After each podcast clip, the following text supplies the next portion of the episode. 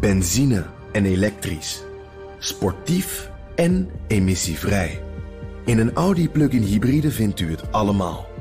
Ervaar de A6, Q5, Q7 en Q8 standaard met quattro vierwielaandrijving. Wat u ook zoekt, u vindt het in een Audi. Audi. Voorsprong door techniek. De column van Bernard Hammelburg. Sinds het aantreden van Donald Trump staat onder de kop van de Washington Post de sombere waarschuwing: democratie sterft in duisternis. Sentimenteel, subjectief, overdreven, vond ik altijd wel, maar ik begin te twijfelen. In de eerste plaats om de hysterie en de onverdraagzaamheid over de media. Het gemak waarmee bijvoorbeeld verondersteld rechtse columnisten in de Telegraaf of als links ervaren opiniemakers in NRC of Volkskrant worden verketterd, vooral op de asociale media, is tenen krommend. Maar het is nog niets vergeleken bij wat er in Amerika, the land of the free, gebeurt.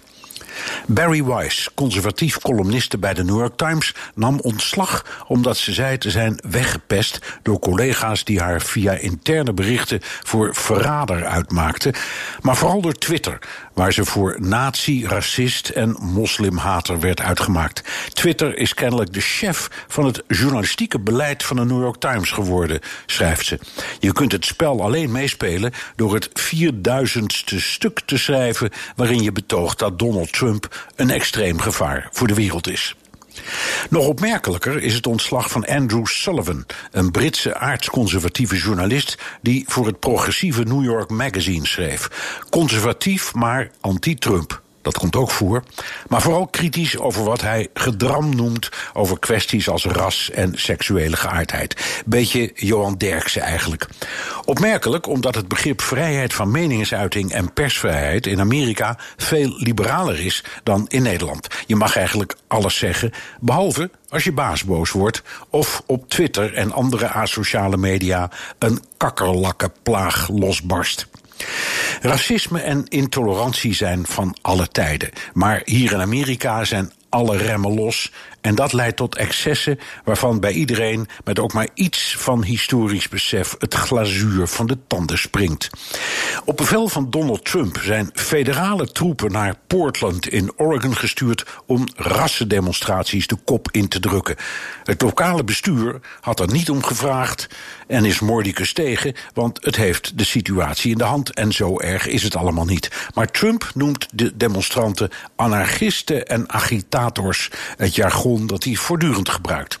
Die federale soldaten sleuren demonstranten zonder aanklacht of uitleg weg in overvalwagens zonder nummerbord en dumpen ze in huizen van bewaring. Nazi-stormtroepers noemt oppositieleider Nancy Pelosi hen. Haar ontbreekt het niet aan historisch besef. In zo'n sfeer is het des te ernstiger dat media onder de illusie van politieke correctheid bezwijken onder de druk van laffe hoofdredacteuren, maar nog veel erger onder de druk van kakkerlakken op de asociale media. Zo sterft de democratie inderdaad in duisternis. Benzine en elektrisch. Sportief en emissievrij. In een Audi plug-in hybride vindt u het allemaal. Ervaar de A6, Q5, Q7 en Q8 standaard met quattro vierwielaandrijving. Wat u ook zoekt, u vindt het in een Audi. Audi. Voorsprong door techniek.